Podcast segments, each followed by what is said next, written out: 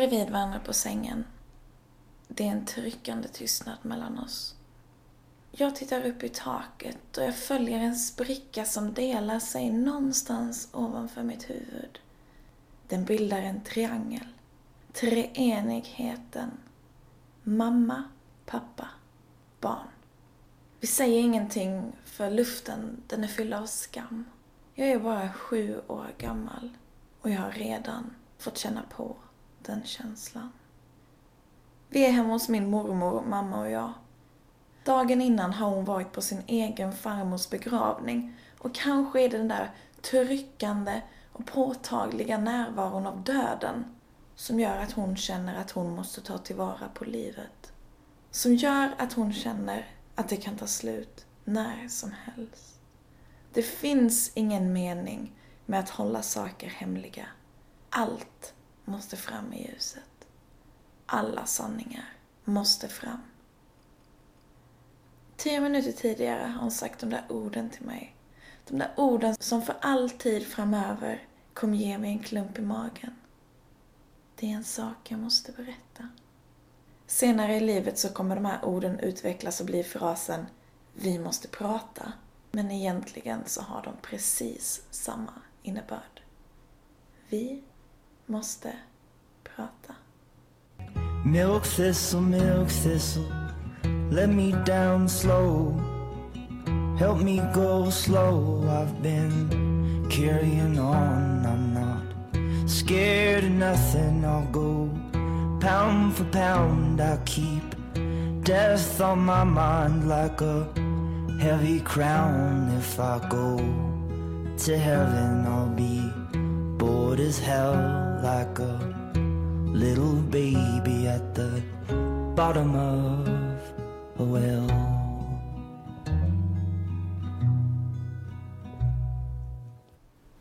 Det är tyst mellan oss för att min mamma har precis berättat för mig att min pappa, personen som är min pappa och som jag kallar för pappa, han är inte min riktiga pappa. Anledningen till att det är tyst mellan oss, det är för att jag har ingenting att säga. För vad svarar man ens på en sån sak? Det fanns någon som valde bort dig, som inte ville ha dig. Och vad svarar du då? Adopterad.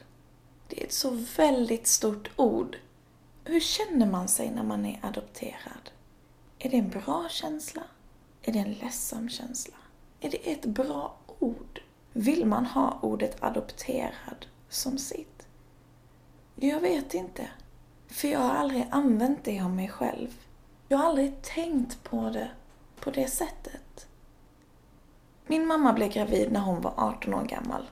Hennes pojkvän var tydlig med att han inte ville ha ett barn. Han var inte redo att bli pappa. Han sa nej och det är en rätt jag tycker att alla måste få ha i så här stora frågor. Alla. Och innan jag föddes så träffade min mamma en annan man. Han som jag kallar för pappa. Han som är min pappa. Bara inte av kött och blod. Och tillsammans bestämde de sig för att jag, jag var deras barn. Once was a kid with the other little kids. Now I'm ripping up shows and the fans going wild with us. Tell mommy I'm sorry. This life is a party. I'm never growing up. Was a kid, all I had was a dream. More money, more problems. When I get it, I'm a pound it up. Now I'm dope on the bread we can toast. So fresh how we flow. Everybody get this style. Once was a kid with the other little kids. Now I'm ripping up shows and the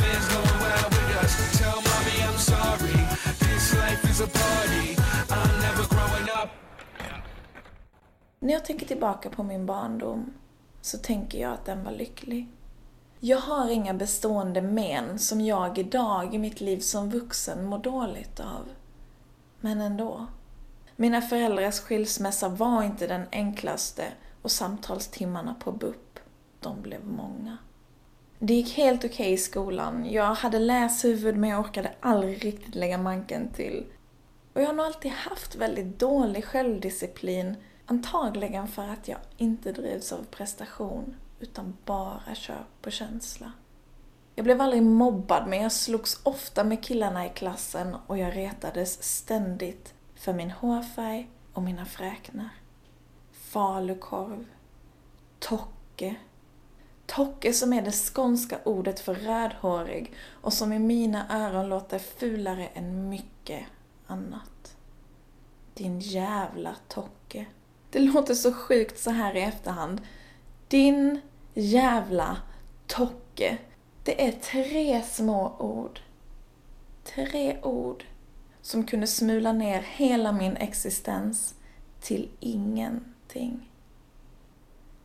Jag var ingen ängel själv, utan jag överlevde precis som många andra antagligen gjorde i högstadiet genom att helt enkelt ge mig på någon som stod ännu lite lägre än mig i rang. Det låter kanske naivt, men jag trodde länge att det här bara var något som existerade i skolans värld. Något som man efter tonåren växte ifrån. Och ändå blir jag ständigt lika förvånad när jag hör samma skitsnack, samma utfrysningsmetoder och samma elaka kommentarer dyka upp på olika arbetsplatser. Tänk att de fortfarande finns.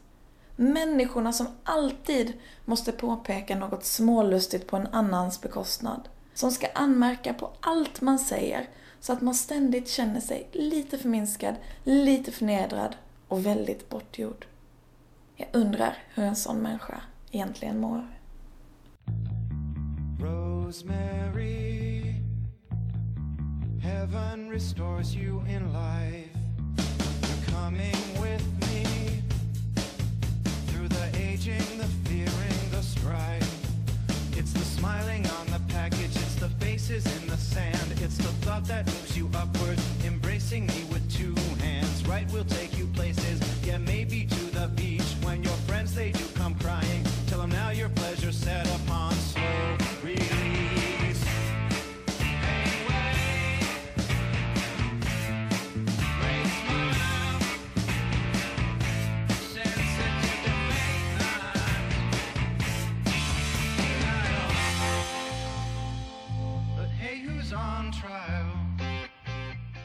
Nåväl, jag hade som sagt vänner och mitt problem var egentligen aldrig att skaffa dem.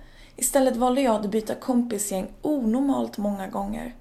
Jag umgicks med tjejer en och en, i stora gäng och i mindre grupper. Jag hade alltid minst en kompis, men jag kände ändå aldrig att jag passade in.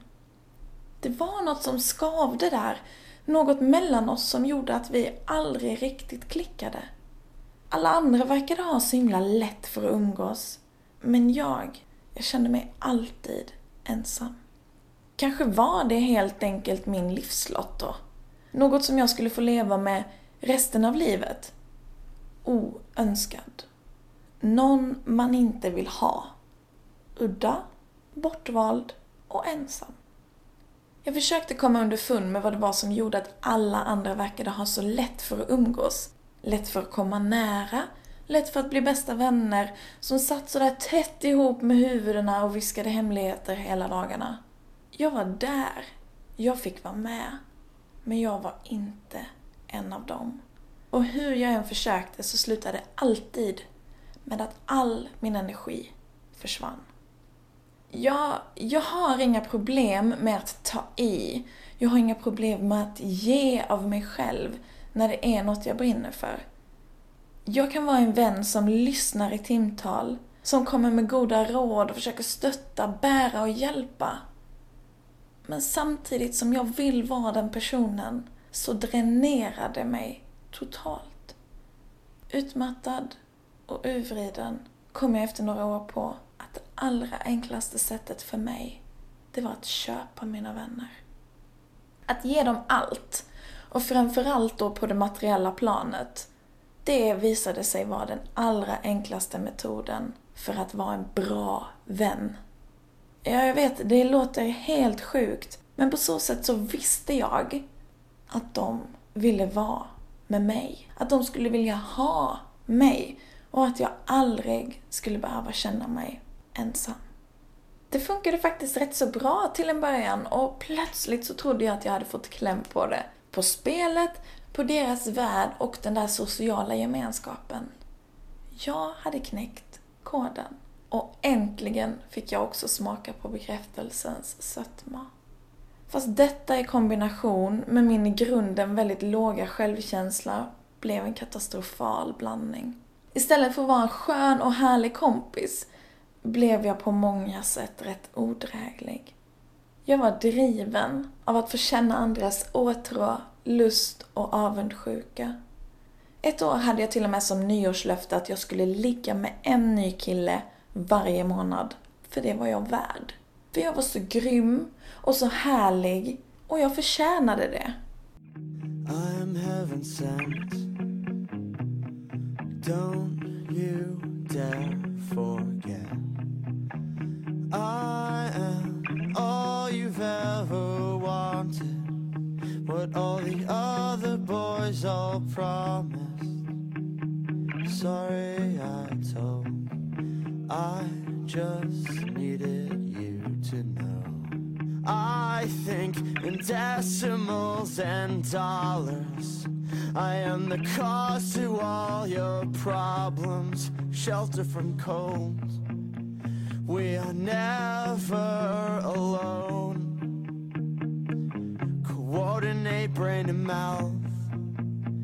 Then ask me what it's like to have myself so figured out. Wish I knew.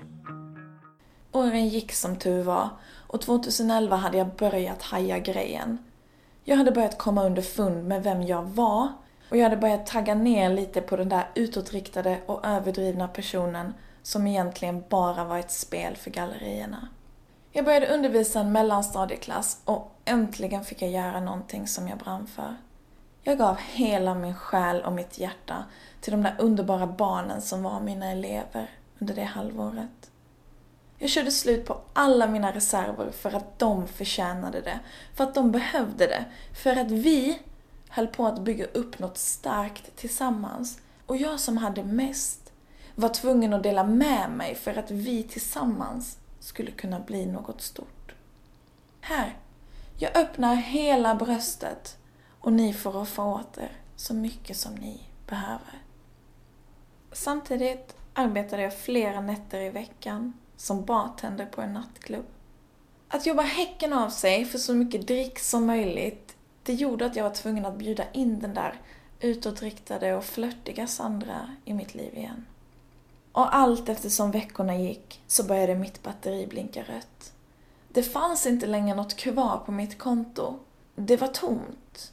Och jag var känslomässigt bankrutt. Dubbeljobbet och dubbellivet tog ut sin rätt och sommaren det året minns jag verkligen inte mycket av. Jag tror att jag kan räkna de tillfällen när jag såg dagsljus på båda mina händer. Det var mörkt i mig och det var mörkt utanför mitt fönster. Allt det där har försvunnit i en enda dimma, men jag vet att jag kämpade på alldeles för länge. Och en kväll i november orkade jag inte mer. Jag ville inte leva längre, men jag var ändå inte självmordsbenägen. Jag behövde bara hjälp. Och jag visste att det fanns ett ställe där jag skulle kunna få vila upp mig. Ett ställe som jag i mitt sinne hade målat upp som den mest romantiska viloplatsen. Där skulle jag glida runt i ett svalt vitt nattlinne, ha späda lemmar som försiktigt och graciöst rökte en cigarett i fönsterkarmen, som läste en bok la huvudet på sned och blev klokare och visare för varje dag. Min pojkvän Viktor tog med mig till psykakuten. Vi satt där i flera timmar och när jag väl fick träffa en läkare så bad han mig beskriva varför jag hade kommit dit. Jag berättade om min ork som inte längre fanns, om längtan efter att inte längre behöva finnas till och att få slippa ta tag i den där tilltrasslade knuten som var mitt liv. Jag pratade och jag beskrev, trött och orkeslös men ändå fast besluten att få hjälp. Innan natten hade övergått till morgon kom doktorn tillbaka och sa vi vill att du ska stanna här, för vi tror att du kan vara bipolär. Jag lades in på momangen och fick sova några timmar. När sköterskorna gjorde sin rond för morgonen kom medicinvagnen för första gången inrullande till mig. Jag vet inte vad det var för tabletter jag pillade i mig. Jag minns bara att jag slocknade som en sten. Så här i efterhand så förstår jag ju såklart att den där romantiserade bilden jag hade var helt befängd. Det mesta man hör om hur det är att vara på en psykiatrisk mottagning stämmer enligt mig många gånger. Ångestfyllda skrik bakom stängda dörrar. Personalens jäktade fotsteg när de rycker ut för att rädda någon som inte längre vill leva. Andas i en fyrkant. Intagna som somnar med huvudet rakt ner i tallriken och ledsna ansikten. Precis överallt. I en månad var jag kvar på psyket. Diagnosen bipolär, den fick jag redan efter den första natten. Men medicinerna, de byttes ut flera gånger om under min vistelse eftersom jag fick så himla hemska biverkningar av allt de stoppade i mig. När jag släpptes ut så blev jag remitterad till Bipolärcentrum i Göteborg. Jag fick under två eller kanske tre tillfällen träffa någon att prata med. Någon som skrev ner varje ord jag sa och efter vårt sista tillfälle sa tack då. Och sen skickade ut mig i verkligheten. Och sen fick jag klara mig själv. Well, the future's got me worried, such awful thoughts. My head's a carousel of pictures, the spinning never stops. I just want someone to walk in front, and I'll follow that leader. Like when I fell under the weight of a schoolboy crush. Started carrying her books and doing lots of drugs. I almost forgot who I was, but came to my senses. Now I'm trying to be assertive, I'm making plans. One rise to the occasion and meet all their demands. But all I do is just lay in bed and hide under the covers.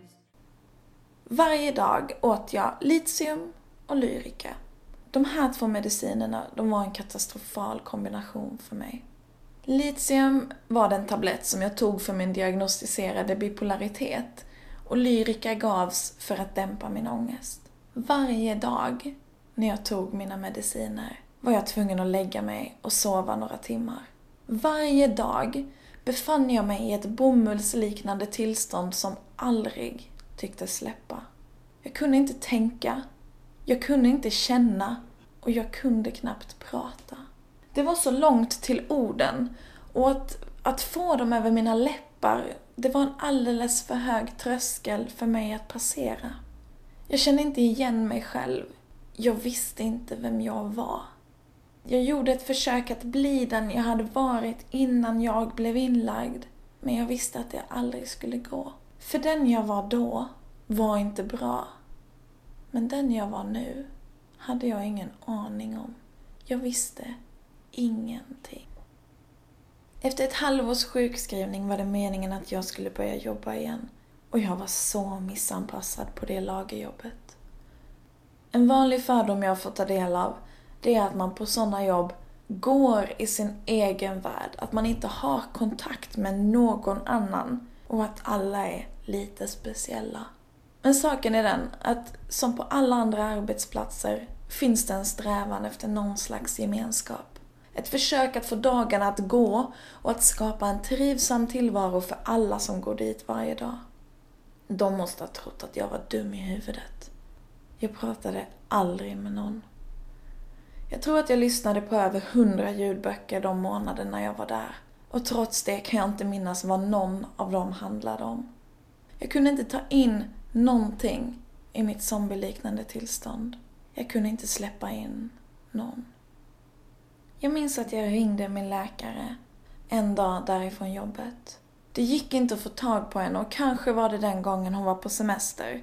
Eller så var det den gången jag blev tillsagd att hon har inte samtalstid. Kanske var det den gången hon var på tjänsteresa. Jag minns inte nu, för jag ringde så många gånger. Och jag hade inte varit på något mer besök på Bipolärcentrum sedan jag blev utskriven. Sju månader tidigare. Efter flera dagars vånda hörde jag äntligen hennes röst i luren. Det går inte, sa jag. Jag mår inte bra av de här medicinerna. Jag kan inte leva. Jag kan inte känna.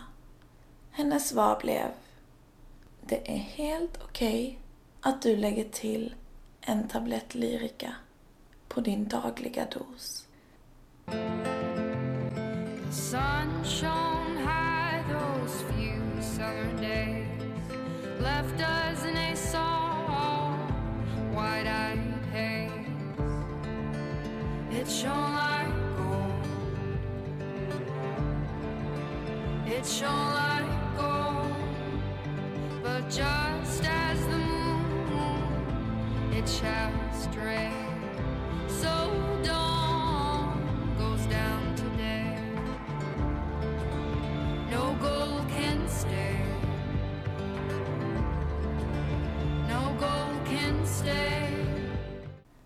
När det precis hade gått ett år efter att jag kommit ut från psyket hörde jag mig själv skratta igen. Det hade gått ett år med bristfällig uppföljning på den diagnos jag hade fått efter att en natt mitt i depressionens dimma rabblat mina symptom och känslor för en läkare på psykakuten. Ett års dvala, utan stöd, utan hjälp, utan förståelse för vem jag nu skulle vara. Efter ett år började jag förstå att jag kanske inte alls var bipolär. Jag fick berättat för mig av flera som hade varit i samma situation att man inte brukar diagnostisera någon som bipolär om den personen inte har haft en eller flera maniska perioder. Depression finns nämligen i många människors liv, i olika skeden i livet och det återfinns dessutom i flera olika psykiska sjukdomar. Att någon beskriver en nattsvart tillvaro, en depressiv period i sitt liv, det behöver inte betyda att man är bipolär. Jo, jag hade ju orkat jobba med två jobb nästan parallellt i flera månaders tid. Och jo, jag hade ju en annan gång i mitt liv legat runt väldigt mycket. Och jo, jag har alltid varit dålig med pengar. Men var de här tre grejerna verkligen tecken på en manisk period när de inte ens hade infallit under samma tidsrymd? Från en dag till en annan bestämde jag mig för att sluta med mina mediciner. Jag berättade det bara för den närmsta familjen och jag trappade inte ens ner utan slutade tvärt.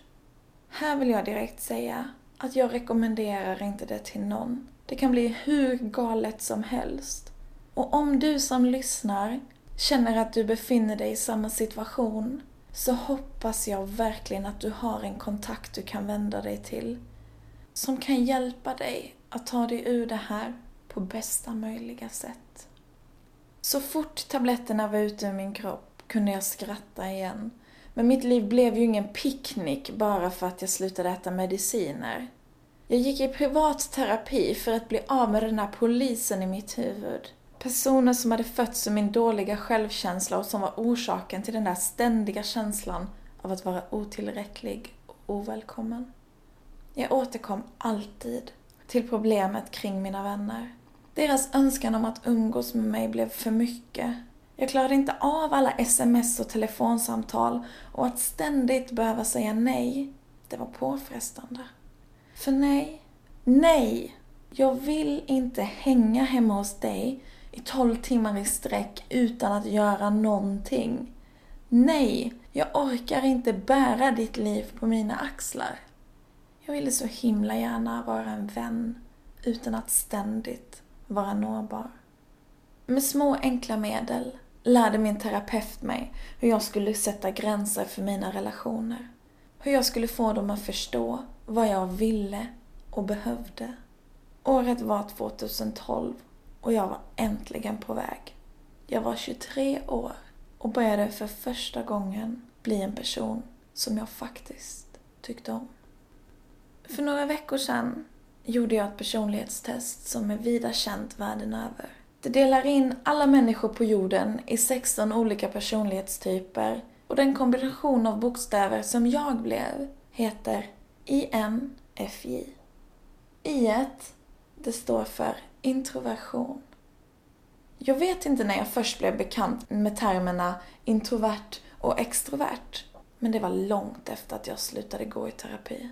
Hur kunde han inte ha berättat det här för mig? Hur kunde han inte ha förstått och sagt att Sandra, du är introvert. Dina vänner, de är det motsatta. De får sin energi genom att umgås med andra. Men du, du får din energi genom att lyssna inåt. Det är så solklart ändå, nu när jag äntligen har förstått. Hur kan jag ha levt hela livet och ändå missat detta? För det satte verkligen fingret på den där känslan jag har känt ända sedan jag började skolan. Det var så enkelt för de andra tjejerna i klassen att bli nära vänner. Det var så enkelt för dem att sitta med huvudena tätt ihop och viska hemligheter hela dagarna. Och det var så jobbigt för mig, för att jag är introvert. Jag tror att jag missleder många eftersom jag gillar att stå i centrum. Eftersom jag gillar att prata och tycker om att andra människor lyssnar på mig. Jag tror att det är därför jag i mina nya bekantskaper ständigt måste bevisa att nej, jag är inte som ni. Era önskemål om umgängen blir för mig ett övermäktigt krav. För jag behöver få vara själv. Jag har så här i efterhand förstått att det här personlighetstestet har blivit rätt så kritiserat. Men det rör mig verkligen inte i ryggen. För allt det som jag läste om den personlighetstypen som var jag, som jag är, stämde på pricken. Det var mig de hade beskrivit. Och i 26 år har jag gått och trott att det är mig det är fel på. Att världen är designad och anpassad efter en annan typ av människa. Att jag behövt foga mig in i samhällets alla regler för att det har förväntats av mig. Men det är inte så. Alla tankar och känslor, de är mina. Jag äger dem och det är inget konstigt med att ha dem. Det är höga toppar och djupa dalar om vartannat. Men det är så jag är. Det är så jag hittills har levt mitt liv och det är så jag vill fortsätta att vara. Det enda som återstår för mig nu, det är att ständigt minnas detta i livets alla skeden. Jag är den jag är och jag är inte ensam. Flera miljoner människor på den här jorden är som mig, är som dig. Känner som mig, känner som oss. Orkar inte heller vara sociala allt för långa stunder åt gången. De behöver också tänka, grubbla och fundera för att växa. Jag har vänner. Jag har helt fantastiska vänner. Och nu för tiden så väljer jag dem med stor omsorg. Och även om jag älskar att träffa dem så duger mitt eget sällskap ofta mer än nog. Jag känner mig inte längre ensam, men jag söker gärna ensamheten. Att vara frivilligt ensam, det är en helt annan sak än att känna sig bortvald. Och att vara ensam med mig själv, det är det bästa jag vet.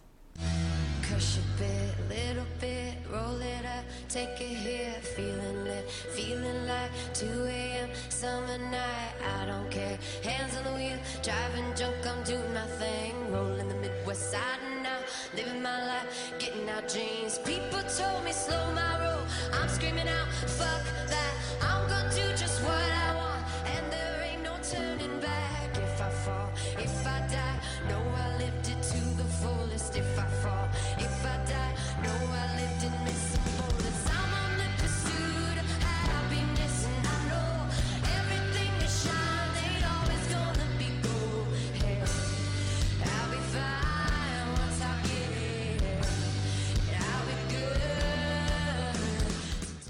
För några månader sedan ringde en man från Salgrenska. Han sa att han ville kalla mig för en av de där provtagningarna man behöver ta ungefär var tredje månad när man äter litium.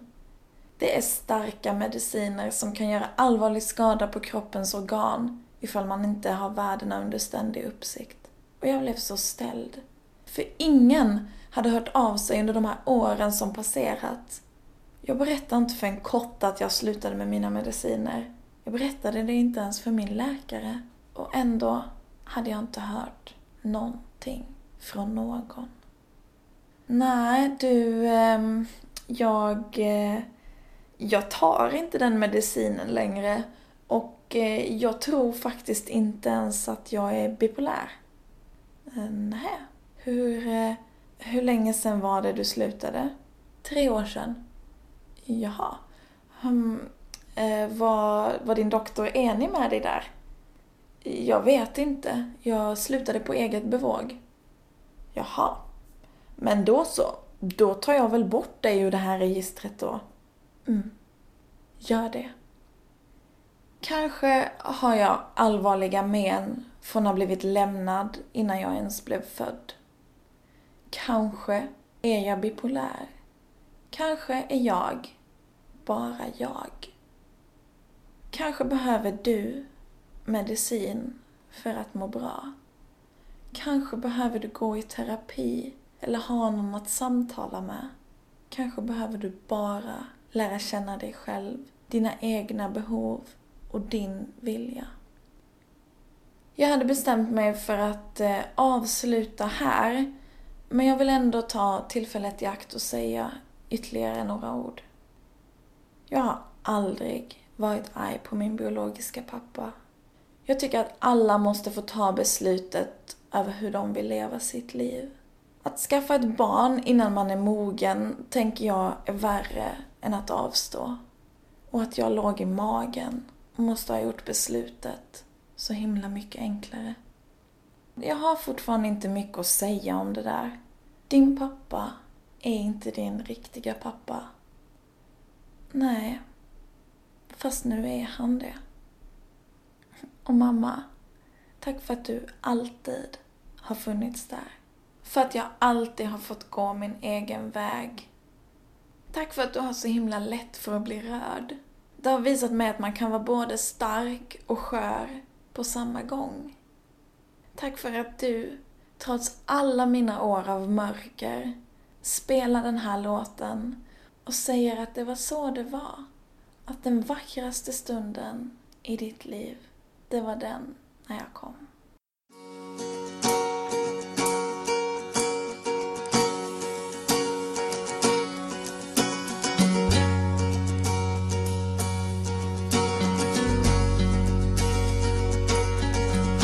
Den vackraste stunden i livet var den när du kom Och allt var förbjudet och allt som vi gjorde den stunden vill jag göra om. Vrekar i huvudet.